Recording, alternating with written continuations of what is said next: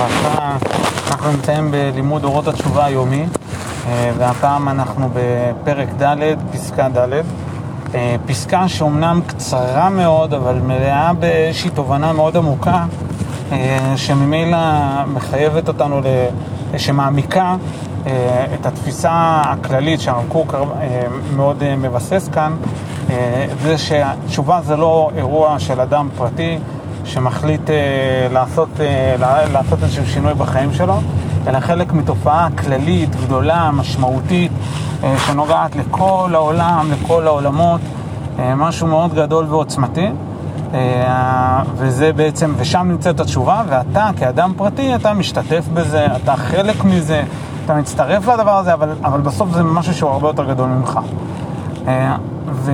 אבל כדי לבסס את זה הרב קוק בעצם מתחיל ממשהו אחר. הוא אומר, אה, אם אתה מסתכל על הרבה מאוד פרטים שונים, על כל מיני דברים, זה יכול להיות הטבע העולמי, כלומר הטבע, היצורים השונים, אה, ההיסטוריה של האדם, האנשים היחידים, הפרטיים, המעשיים, כשאתה בא לקחת את כל הזה, כל, כל ההוויה, כל העולם, ובסוף אתה בא לתת איזושהי אה, נקודה מסוימת שבאה לאפיין את הכל ביחד, שבאה לשים את כל זה תחת קורת גג אחת, גדולה ומשמעותית. כשאתה עושה את זה, אז פתאום אה, אתה, אתה בעצם רוצה, אה, אתה בעצם מנתן למצוא איזושהי נקודה שבאמת מאחדת את הכל. אז ברור שמה שמאחד את הטבע וההיסטוריה זה לא איזה צבע כזה או אחר, או אירוע חד פעמי כזה או אחר, אלא אנחנו מנסים למצוא איזשהו כלל, כלל מאוד גדול, שבסוף מאחד את הכל. הרב קוק בעצם אומר שזה ההתקדמות. העובדה שיש תשובה, תשובה והתקדמות זה בעצם אה, צדדים שונים של אותו מטבע, אה, אבל אתה רואה התקדמות בהרבה מאוד דברים.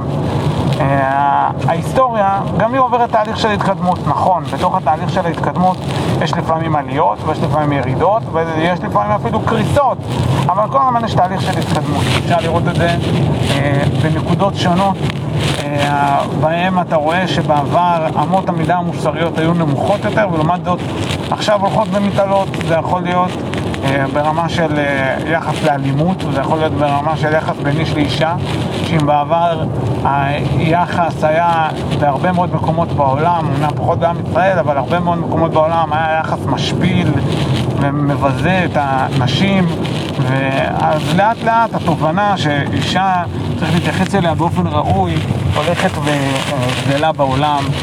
אה, ברור שהיחס לאלימות, אם בעבר היו כל מיני מוסכמות חברתיות ושבטים כאלו ואחרים אה, שניתן לרצוח ושניתן לפגוע ולהכות וכן הלאה, היום בחברות מתוקנות רבות מאוד בעולם, דברים שהם מחוץ לתחום. ויש עוד הרבה דוגמאות שונות לזה, אבל זה לא רק הדבר היחיד, גם בעולם הטכנולוגי יש כל הזמן התפתחות. אם בעבר אה, המנוע הקיטור הייתה המצאה מהפכנית, אז היום יש עוד המצאות הרבה יותר מהפכניות וחדשניות ומשמעותיות, אה, שהולכות וכל יום מחדש הולך, והולך וגדל. מדעים, מדעים שבעבר לא היו, אף אחד לא אה, חשב שיש מדע לסוציאליות. לסוציולוגיה, לתורת החברה, או לחילופין לפסיכולוגיה, לתורת הנפש של האדם הפרטי, אה, ועוד, ועוד מקרים רבים. רפואה הייתה הרבה פעמים משהו מאוד פרימיטיבי, והיום יש, על כל דבר יש מדע שלם, ויש התפתחות והתמקצעות בכל כך הרבה תחומים. אנחנו נמצאים בעולם שהוא דינמי, הוא דינמי לכיוון סך הכל חיובי. יש בו נפילות, יש קשיים, אף אחד לא מסתיר אותם, אבל עם כל הקשיים האלה יש המון המון התקדמות.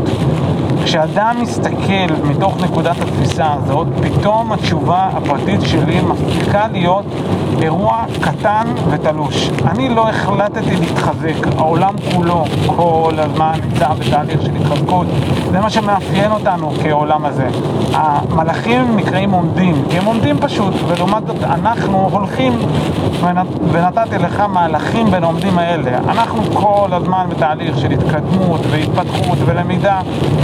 למידה מתוך נפילה, למידה מתוך אתגרים.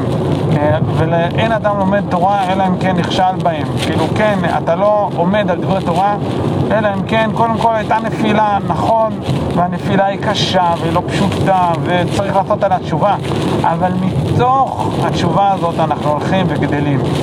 וזה שאתה מסתכל על העולם כולו מתוך נקודת מבט שמבינה שהעולם כולו בתהליך של התפתחות, מחבר אותך למגמה העולמית. אתה לא לבד, אתה לא בודד, אתה לא תלוש, אתה לא מחוק, אתה לא מחליט החלטות משל עצמך, אלא אתה חלק מדבר גדול מאוד ועוצמתי מאוד, אה, שיהיה לכולם רק בשורות טובות ורק בטיחות ורק אה, רפואה שלמה והחלמה מהירה לכולם.